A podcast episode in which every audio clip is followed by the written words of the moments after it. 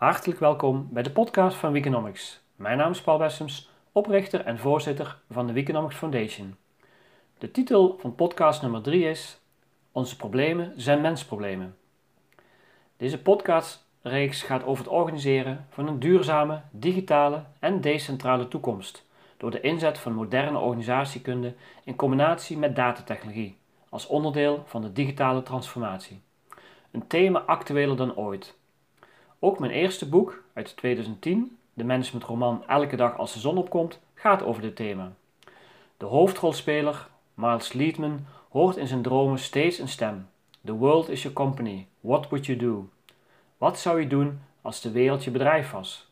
Een utopie natuurlijk, maar wel een mogelijke bestemming van een weg die we kunnen bewandelen. Stel dat de wereld ons bedrijf was, hoe zouden we dat bedrijf dan organiseren? Met het veranderen van ons perspectief en het stellen van deze vraag kunnen problemen helpen oplossen en voorkomen. Geloof jij dat concurreren de beste overlevingsstrategie is voor een pandemie? Of verwacht je meer van samenwerken? Denk je dat onze kleinkinderen nog dezelfde vrijheden kunnen genieten als onze generatie? Of hebben ze het slechter of juist beter? De juiste vragen stellen helpt ons om bestaande oplossingen te verbeteren. De vraag is: hoe kun je een samenleving met minder verspilling en een optimale allocatie van schaarse middelen en productiefactoren organiseren? In ons huidige westerse wereldbeeld is het organiseren van welvaart sterk beïnvloed door het idee dat de vrije markt het alleenrecht heeft op innovatie. Dat de vrije markt zorgt voor een efficiënte allocatie van productiefactoren en van vraag en aanbod. Weinigen vinden of geloven dat de overheid het beste innoveert en voor effectieve vooruitgang zorgt. Volgens Mariana Matsukato zijn het niet de bedrijven die voor lange termijn grote maatschappelijke doorbraken zorgen, maar overheden, al dan niet in privaat-publieke samenwerking. Volgens Matsukato vindt de particuliere sector pas moed om te investeren nadat een ondernemende overheid de eerste risicovolle en fundamentele investeringen heeft gedaan. Zo onthult ze in haar boek The Entrepreneurial State dat elke technologie die de iPhone een smartphone maakt door de overheid is gefinancierd. Denk aan internet, GPS, touchscreen en de virtuele assistent Siri. Siri werd bijvoorbeeld oorspronkelijk als project ontwikkeld door het Stanford Research Institute. Daarnaast zijn de meeste werknemers van private ondernemingen opgeleid en kunnen zich van huis naar werk verplaatsen door gebruik te maken van met, gemeenschaps, van met gemeenschapsgeld betaalde infrastructuren. Het beeld van succes wordt met name in de Anglo-Saxische landen erg bepaald door het succes van de self-made man. Eerst wordt opgekeken tegen iconen van de industrie. Denk aan Chuck Welch van General Electric en banken. Denk aan Jamie Dimon van JP Morgan. En nu van techbedrijven. Succes is vaak een combinatie van geluk, talent en inderdaad hard werken, maar nooit alleen hard werken. De ideologie van de self-made man binnen een liberale sociaal-economische orde brengt westerse samenlevingen op het verkeerde spoor. Het praat mensen die minder succesvol zijn een probleem aan. Het gebrek aan realisme en bescheidenheid over de herkomst van succes gaat hand in hand met het gebrek aan respect voor mensen die minder geluk hebben gehad. Het gaat ook hand in hand met minder respect voor overheden en gemeenschappelijkheden. Het neoliberale beeld van de efficiënte innoverende private sector en de logge verkwistende conservatieve publieke sector wordt de afgelopen 40 jaar een belangrijke factor in de maatschappelijke onrust waar we nu tegenaan lopen. Het feit dat grote delen van de private sector na de financiële crisis van 2008 en nu de coronacrisis overeind gehouden moeten worden door de belastingbetaler leidt hopelijk tot wat meer bescheidenheid, realisme en respect voor de andere kant van de samenleving. De geschiedenis leert dat vooral een goede balans tussen concurreren en samenwerken ons verder helpt.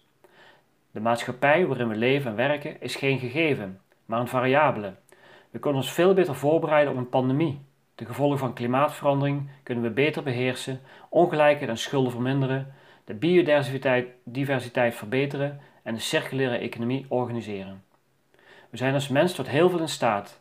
We hebben piramides en kathedralen gebouwd, mensen op de maan laten lopen, kinderarbeid en apartheid weggeorganiseerd. En we hebben welvaartsmachines ontwikkeld die elke 30 jaar onze welvaart verdubbelen. Maar dat kan niet oneindig doorgaan op een eindige planeet. We moeten de welvaartsmachine, die vooral gericht was op voortdurende economische groei, vervangen door een machine, een systeem, een sociale economische orde die gericht is op kwalitatieve groei. Verbeeldingskracht, een passende ideologie, het op grote schaal kunnen samenwerken en technologieën ontwikkelen en gebruiken zijn belangrijke eigenschappen die ons onderscheiden van ander leven en ons hiermee verder helpen. Mijn werk heeft vooral te maken met de transformatie naar een brede duurzame welvaart met daarbinnen een focus op de digitale transformatie en daarbinnen de combinatie van moderne organisatiekunde en datatechnologie. Weekonomics richt zich vooral op de rol die organisatietechnologie kan spelen bij het verduurzamen van onze welvaart. Door het juist inzetten van technologie ontstaat surplus dat we kunnen inzetten voor verduurzaming. Meer specifiek kijk ik naar de rol van de digitale lopende band en digitale ecosystemen. In voorgaande Weekonomics boeken noemde ik deze digitale lopende band ook wel internetlopende band. Een digitale lopende band kun je zien als een geautomatiseerde aaneenschakeling van decentrale databases en dataverwerkers binnen een digitaal ecosysteem. Een eindproduct van een digitale lopende band kan informatie, een antwoord op een vraag of een verificatie van een claim zijn. Een digitale lopende band heeft met de kern van organiseren te maken, het nemen van besluiten. Je kunt een digitale lopende band zien als een gecombineerde vervanging van de telefoon, de vergadering, e-mail, chat, spreadsheets, cloud, EDI en ERP. Maar wellicht een overbodige waarschuwing vooraf: technologie alleen zal nooit onze problemen oplossen, eerder versterken. Kijk bijvoorbeeld naar de manier waarop het internet zich heeft ontwikkeld en min of meer in handen is gekomen van een beperkt aantal machtige technologiebedrijven. Organisatietechnologie is als de wind die je verder kan helpen bij het zeilen. De koers moet je zelf bepalen en je moet je goed voorbereiden op onvoorziene omstandigheden. Een technologie, en zeker organisatietechnologie, gedijt beter als het samengaat met een meestal nieuwe ideologie. Zo gaat de fysieke lopende band van Ford niet over technologie, maar over massaproductie en consumptie. De meeste organisaties die ik bij een digitale transformatie begeleid, begrijpen de technologische uitdagingen wel, maar kunnen zich weinig verbeelden bij een fundamenteel nieuwe manier van organiseren, waarbij de bestaande vorm, het bedrijf, steeds minder nodig is. Voordat je gaat automatiseren, moet je eerst organiseren. Dat leerde ik al op de Technische Universiteit. En voor de organisatie van een brede en duurzame samenleving kunnen we niet volstaan met een andere verpakking, door bijvoorbeeld managers coaches te gaan noemen, facturen te scannen en spreadsheets te vervangen door een ERP-systeem. Er is veel meer nodig. Naast anders denken hebben we vooral anders doen nodig. We zullen nieuwe organisatievormen moeten combineren met disruptieve datatechnologieën, zoals blockchain, Internet of Things en artificial intelligence. Om corona, een volgende pandemie of ramp beter te beheersen, hebben we vooral veel betere data-infrastructuur nodig. We hebben wel een wereldwijd netwerk van vliegbestemmingen, overzeese containervervoerlijnen, een Europees spoor- en wegennet, maar geen gezamenlijke data-infrastructuur voor bron- en contactonderzoek, een intelligente lockdown- en exit-strategie om onderzoeksresultaten te delen en sneller een medicijn en vaccin te ontwikkelen. Natuurlijk hebben we internet, maar de manier waarop we dat nu georganiseerd hebben, helpt ons niet. Er wordt wel eens geroepen dat Google alles van ons weet, maar dat is niet om een pandemie te voorkomen, maar om meer te verkopen. Als de bestaande infrastructuur zo goed was, waarom is er nog zoveel digitale verspilling binnen en tussen organisaties? Waarom zitten kantoorwerkers meer dan een derde van hun tijd achter de computer vragen te stellen en antwoorden te geven, terwijl dat niet nodig is? Het organiseren van een duurzame, digitale en decentrale toekomst met behulp van organisatietechnologie is het centrale thema van deze podcastreeks. Het tegengaan van digitale verspilling in kantoren, waardoor surplus ontstaat, is daarbij laaghangend fruit. Maar technologie alleen is onvoldoende. We moeten ook fundamenteel anders denken en organiseren. Een nieuwe ideologie zou daarbij helpen.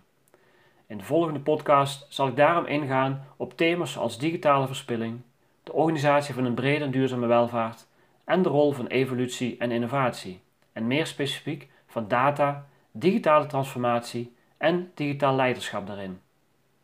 Tot zover deze podcast. Wil je meer informatie? Kijk dan op onze website www.weekonomics.org. Thank you.